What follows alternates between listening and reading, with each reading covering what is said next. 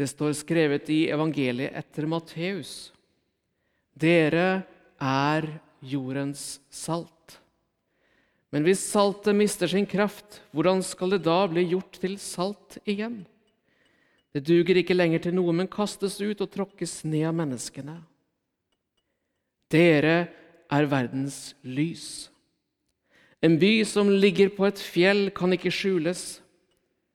Heller ikke tenner man en oljelampe og setter den under et kar. Nei, man setter den på en holder så den lyser for alle i huset. Slik skal deres lys skinne for menneskene, så de kan se de gode gjerningene dere gjør, og prise deres Far i himmelen. Slik lyder det hellige evangelium. På denne tida av året så tenner vi lys, så mange lys vi kan, inne og ute. Vi tenner lys på våre verandaer og balkonger, på våre salongbord og i våre vinduskarmer. Vi finner fram elektriske lyslenker, lamper, batterilys og tenner forsiktig stearinlys. Vi skrur opp lysdimmerne inne når vi vil lese, for det er skymt. Og vi er takknemlige for alle gatelys og byens lys når vi går ut med reflekser dinglende. Lys er livsnødvendig i alle sine fantastiske varianter. I dag på alle helgen tenner vi lys her i kirka, og kanskje tenner vi lys på gravstedet for våre kjære. Vi tenner et lys og minnes i takknemlighet alt det gode, alt det varme de ga oss gjennom sitt liv, de som nå har gått bort. I lysskjæret blir vi myke og fokuserte. Alt det som var, kommer for oss. Og Når vi ser lyshavet på Skedsmo kirkegård eller på Statsberghagen, og de mange små lys, så kjenner vi vi er ikke alene om å savne. I dag skjules ikke sorgen under et kar. Sorgen som vi bærer, og savnet som alltid er der. I dag er den usynlige smerten tydelig. Vi trøstes av det, av lyset. Det ene lyset for mine kjære, og de mange lys. På en eller måte så hjelper det å få vist sorgen og savnet i det konkrete. Å løfte den ut av min egen kropp, ut av hjertets dyp. Plante det foran noe håndfast. Sette det i en holder. For å sette det i en holder så alle kan se, som et lys i en stake. Som et lys i mørket. For vi kjenner det dypt i vår sjel at vi trenger lys i mørket. Og vi aner det kanskje, at vi trenger det, det guddommelige lyset. En lengsel etter det som kan vise oss veien videre i livet og som kan vise oss veien til Guds evige bolig, til gjensyn, til fred og helhet. I sorgen så kan det oppleves som lyset har slukna, og det er vanskelig å finne noe som kan tenne flammen igjen. En kan kjenne seg virkelig kraftløs og sliten og aleine. På mitt hjemsted på Vestlandet så drev vi med hjortejakt på denne tida her av året, på høsten. Ofte så ble det skutt hjort i kveldinga, langt oppi ei li. Og når vi så skulle få dyret hjem, ja, da var det å samle alle tropper, alle som kunne være med. Og vi ble sendt ut med ryggsekker og noen få lommelykter. Det slo aldri feil. Det var alltid for få lommelykter på gården. Jeg kan huske følelsen av å gå i skogen uten lykt. Stien hadde jeg kanskje gått på før, men nå, i mørket, så var den skummel og ukjent.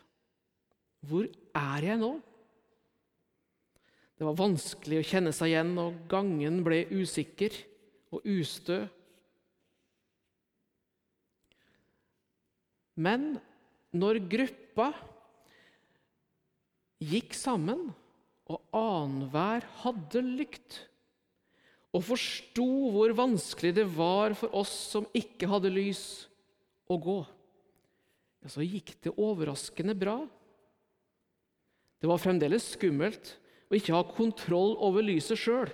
Det er deilig å holde i lommelykta sjøl. Men det hjalp godt at det var noen bak og noen foran som hadde lys.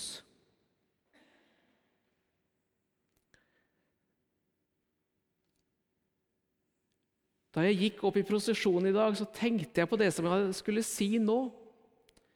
Og så tenkte jeg på hvor fint det var at disse små jentene hadde lys. Jeg og Halvard hadde ikke lys, men jentene hadde lys.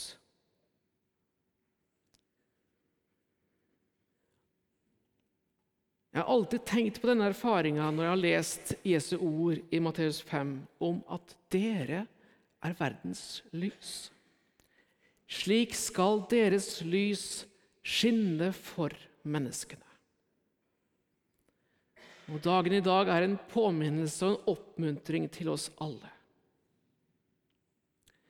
Å sørge tar tid. Savnet sitter i. Og noen mellom oss går aleine, kanskje, med den sorgen i det mørke. Vær lys for hverandre. Gå tett sammen på livets sti. Det alminnelige kan plutselig oppleves ukjent i sorgens mørke. Om du tar initiativ og gir litt av din tid, kan det gå overraskende bra. Du kan nemlig være et lys for en annen. Sorgarbeidet i Lillestrøm menighet det skjer ikke bare i samtale med meg eller Halvard eller med diakon Karine. Det viktigste sorgarbeidet i Lillestrøm menighet skjer i hverdagen utafor dette huset. I åpne samtaler i familien. Når kollegaer tar seg en litt lang femminutter. Viktig sorgarbeid skjer i koret, rundt kafébordet på City, eller når en god nabo bryr seg. Det rare er at det er ikke så definert hvem som blir til hjelp for hvem. Det kan være at du tenker 'jeg går i mørket'. Lyset mitt har slukna. Og det kan være sant, for du har kanskje mista noen. Men du kan også bli til velsignelse for noen andre. Vi leste noe i starten av teksten om at dere er verdens salt. Jordens salt. Og når du lar dine salte tårer trille, når du forteller om din sorg, når du våger å lette på sløret og vise frem det du ikke orker å bære alene, så åpner det seg muligheter for den andre til å si 'Jeg har vært der', eller 'Jeg er der nå'. Jeg kjenner igjen stien,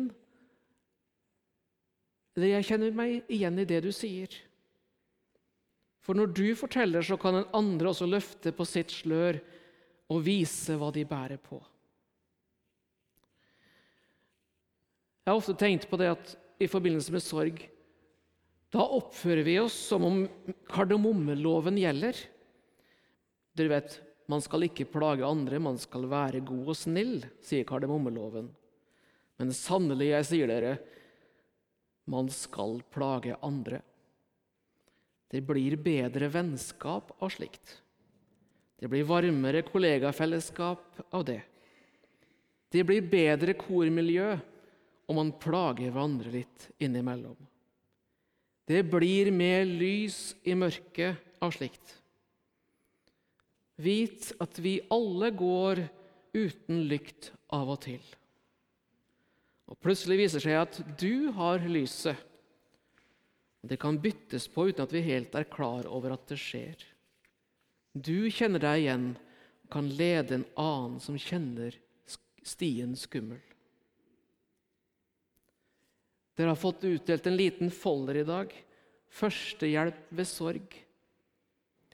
Det står noen selvsagte, men gode råd for hvordan du kan hjelpe noen i sorg.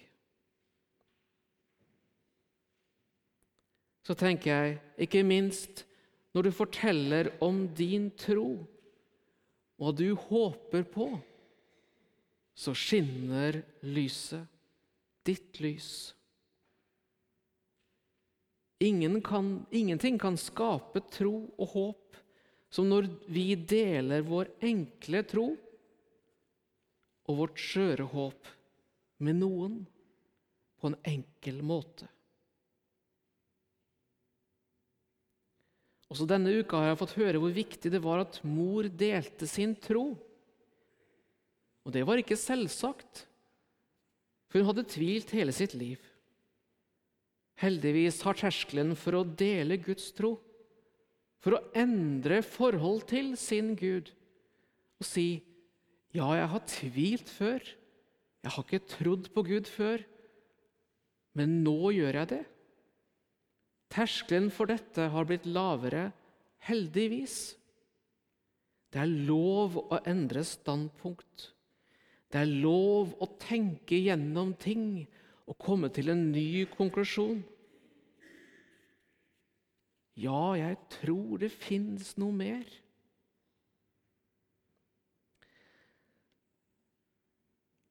Dåpens lys er tent i dag. Kristuslyset, som er nytt, med nytt årstall hver første påskedag, skinner for oss i dag.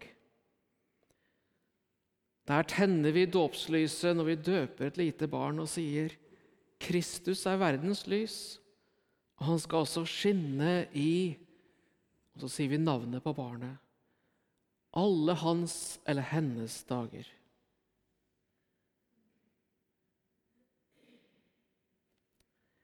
Kristus møtte disiplene lys levende, levende utenfor grava. Hans evige lys brant i disiplenes øyne. De så og de trodde at håpet om et evig liv var sannheten og at stien dit var å følge Jesus. Og sammen med han skulle de greie det. Og helt til oss har lyset nådd og håpet nådd. Vær med og tenn lys, lys for de neste. Amen.